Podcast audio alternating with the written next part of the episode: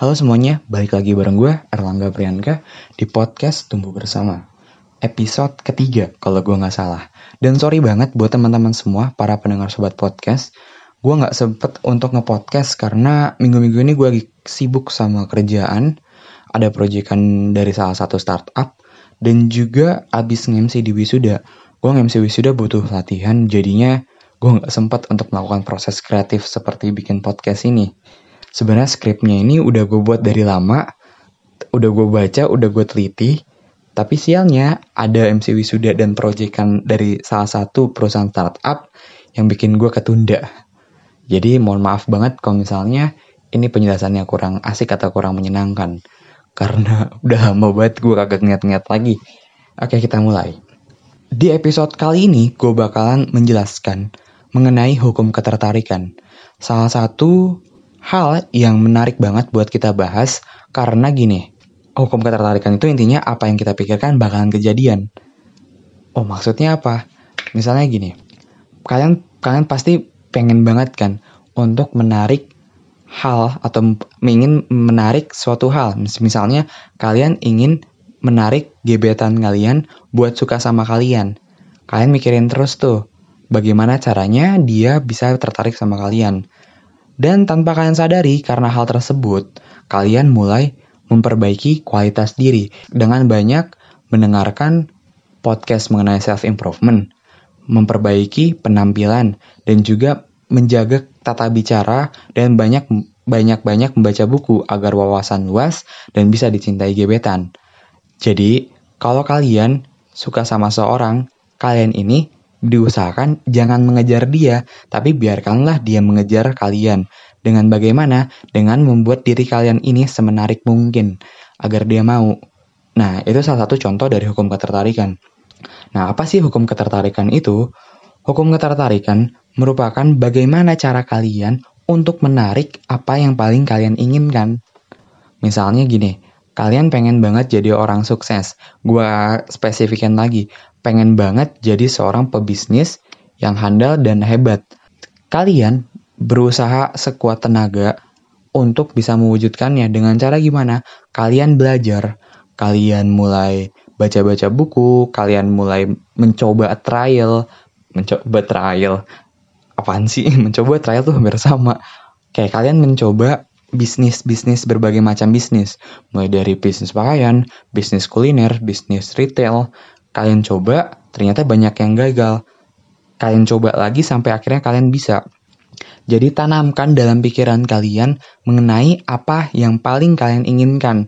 Karena berdasarkan hal itu, hal tersebut bakalan kejadian dan kalian akan menarik apa yang kalian inginkan. Karena karena misalnya kalian memikirkan terus untuk menjadi seorang pebisnis, tanpa kalian sadarin, isi-isi hal-hal yang ada di dekat kalian itu bakalan tentang bisnis semesta bakalan ngebantu.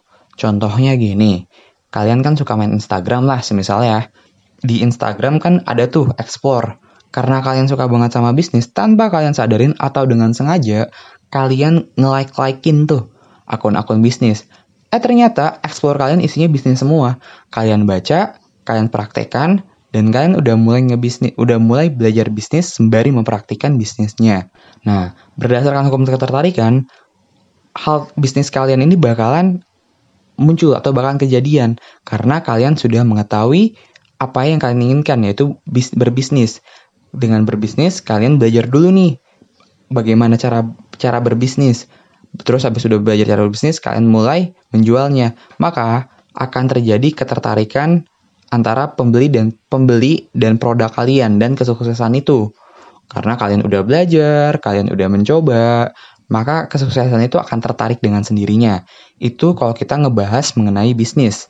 Dan tahu nggak sih sobat podcast semuanya, kalau hukum ketertarikan itu atau the law of attraction udah ada penelitian ilmiahnya, yaitu berdasarkan kuantum fisik.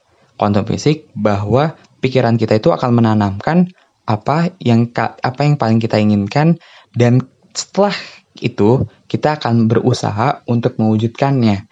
Dan tanpa kalian sadari, hal yang kalian inginkan itu akan mendekat ke kalian dan bakalan kejadian. Nah, perlu kalian nah karena tertanam ke dalam otak, usahakan pikiran kalian diisi dengan hal-hal yang baik dan positif. Contohnya, kalian jangan mengeluarkan kata-kata negatif dan juga uh, nada-nada pesimis. Usahakan kurangkanlah kata-kata seperti tidak dan jangan. Tidak dan jangan ini kan kalimat negatif. Jika sering dikeluarkan, maka kalian akan menjauhkan dari impian kalian. Usahakan gunakan kata-kata yang positif, seperti kurangi, dan lain halnya. Terus kemudian banyak-banyaklah berpikir positif. Dengan berpikir positif dan optimis, kita bakalan yakin dan timbullah confidence terhadap diri sendiri. Dengan timbulnya percaya diri, kita bakalan membuat hal-hal baik mendekat ke kita. Semesta akan membantu, hal-hal baik akan datang. Maka dari itu, pikirkanlah hal-hal baik dan kurangilah kata-kata yang kasar dan kata-kata yang negatif. Agar pikiran kita bersih, pikiran kita maju, pikiran kita tajam untuk mendapatkan apa yang paling kita inginkan. Apa tujuan kita hidup. Jadi mulai sekarang, yuk kita kurang-kurangi aja kata-kata negatif agar otak kita tidak terjerumus terhadap hal-hal yang tidak perlu dipikirkan, melainkan otak kita akan terasah dengan hal-hal yang harus dilakukan supaya apa yang paling kita inginkan segera kejadian. Nah, setelah membahas definisi mengenai the law of, the law of attraction, gue punya beberapa langkah buat kalian agar bisa mendapatkan impian kalian berdasarkan the law of attraction atau hukum ketertarikan. Yang pertama adalah identifikasikan keinginanmu. Maksudnya apa? Jadi gini, kita itu harus mengenal apa yang kita inginkan. Pelajari diri kalian sendiri. Udah dipelajarin, kalian harus yakin terhadap keinginan tersebut. Contohnya, pengen banget jadi seorang kreatif director.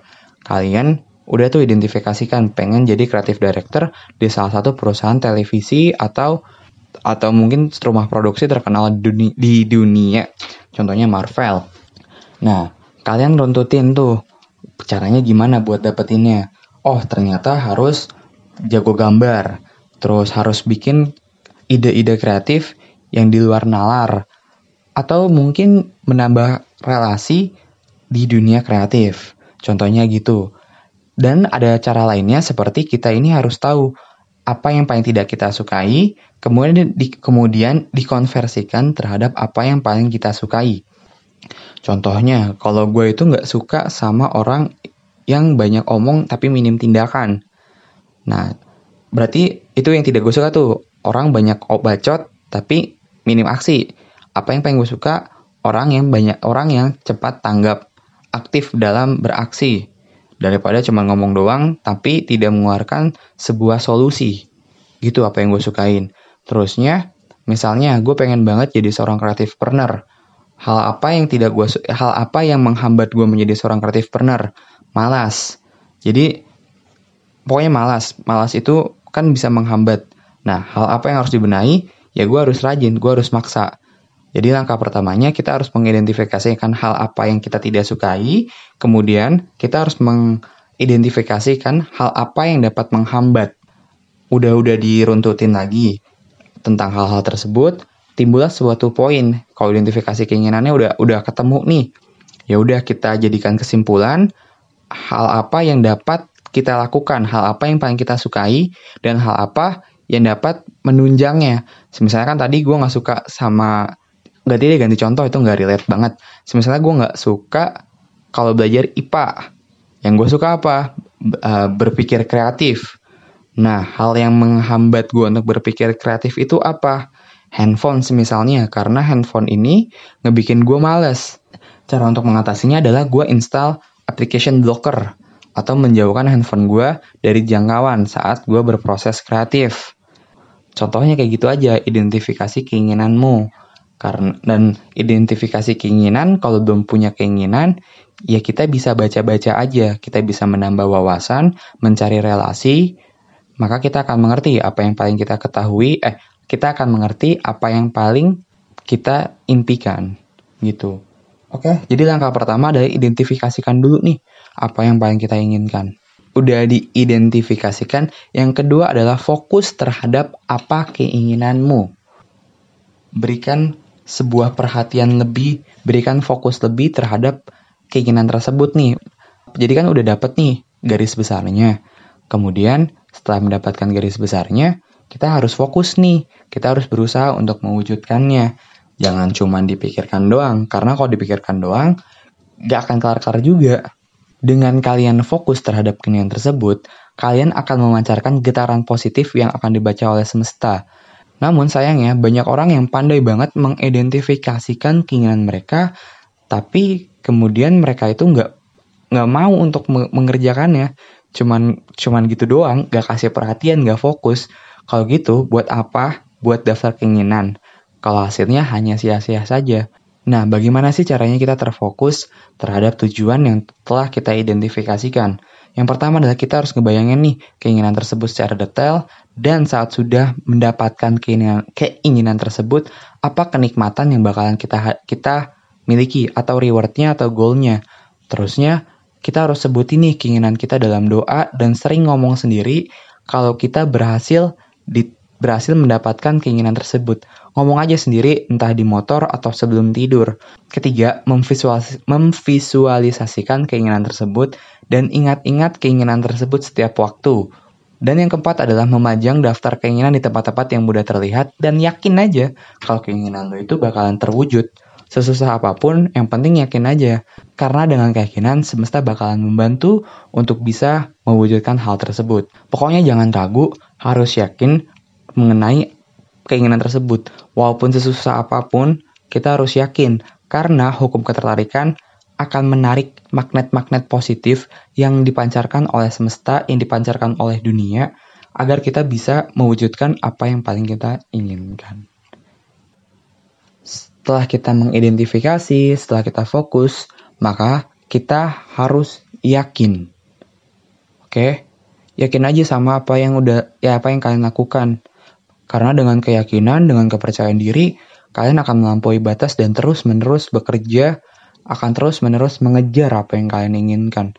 Kalian harus yakin bahwa apa yang kalian inginkan itu adalah realistis. Walaupun banyak sekali orang yang mencemooh, hanya dengan keyakinan kalian sendiri saja, itu udah bisa menutup telinga kalian sendiri dalam cemoohan, cemoohan teman-teman kalian. Pokoknya, ingat aja keinginannya, yakinin aja kalau akan berhasil. Mereka hanya iri, mereka hanya tidak punya keinginan. Yakin aja, pasti semuanya bakalan bisa, semuanya bakalan berlalu begitu saja. Dan setelah kalian sudah berada di di titik paling atas, mereka akan mengais-ngais, menangis-nangis, mengemis untuk meminta pekerjaan dari kalian. Gitu. Yakin aja, yang terakhir adalah yakin.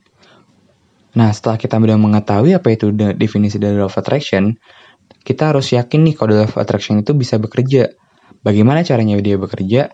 Atau bagaimanakah agar the law of attraction itu efektif dan berhasil kalian laksanakan? Pertama adalah tanyakanlah kepada semesta apa yang kalian inginkan. Seperti tadi yang udah gue bicarakan kan. Pokoknya tanya aja apa yang paling kita paling kalian inginkan. Setiap hari kalau kalian belum bisa mengidentifikasikan keinginan, kalian bisa bertanya dalam doa kepada semesta tentang apa yang paling kalian inginkan. Gitu. Setiap hari aja saat so misalnya kan yang agama Islam mungkin sholat lima waktu setelah sholat berdoa mengenai ya Allah kenapa apa sih hamba yang paling hamba inginkan setelah kalian mengirim pesan melalui doa, maka akan dibalas dengan cara-cara yang tidak kalian sadari atau cara-cara yang tersirat.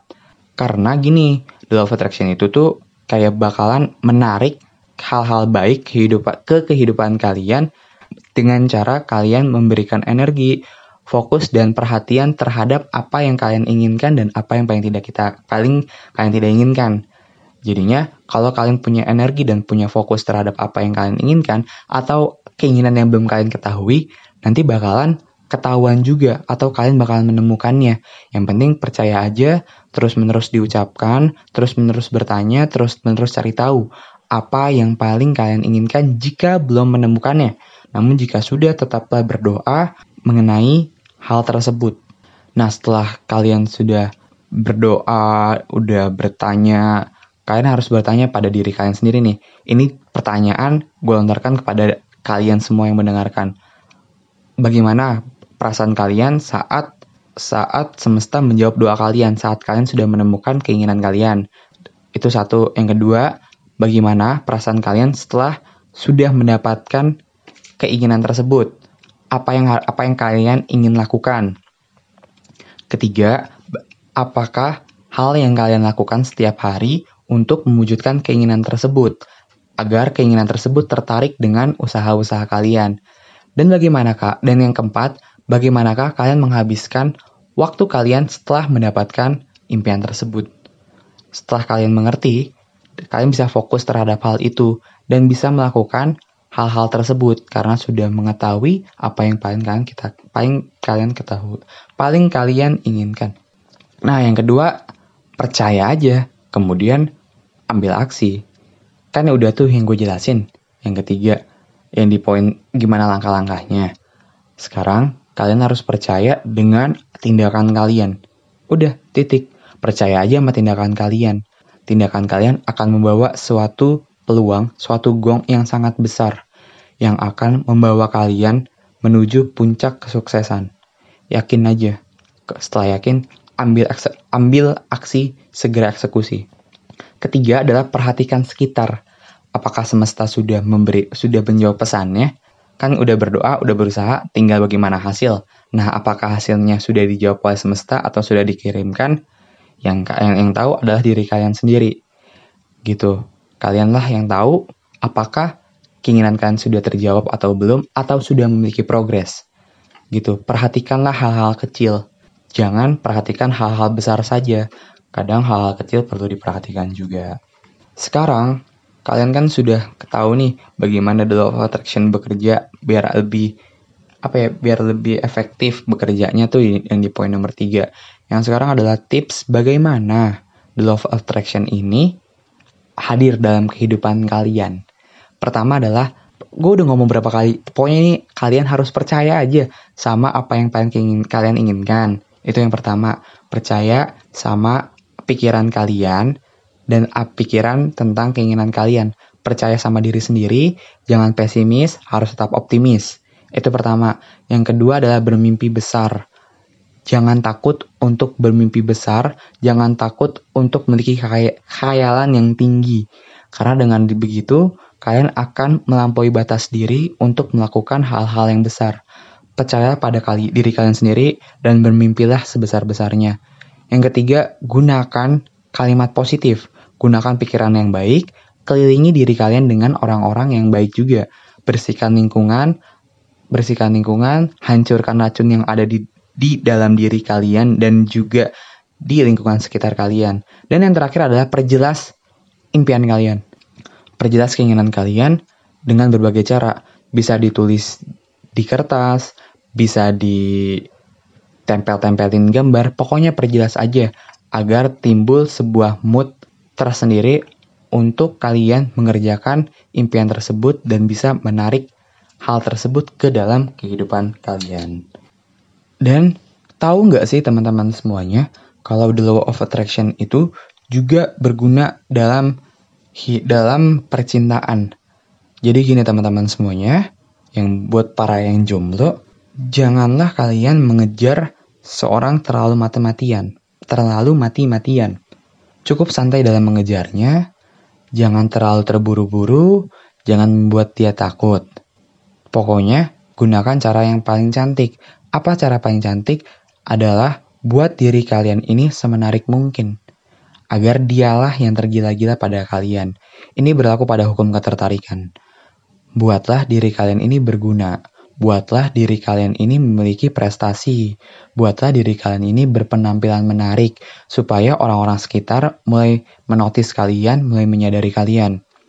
Atau atau bisa juga gebetan kalian jadi suka sama kalian dan dialah yang mengejar-ngejar kalian. Usahakan tidak mengejar seseorang terlalu dalam, terlalu lama. Tapi perbaikilah kualitas diri agar dia datang dengan sendirinya. Jangan biarkan otak kalian dikuasai dengan bagaimana caranya untuk mengejar dia.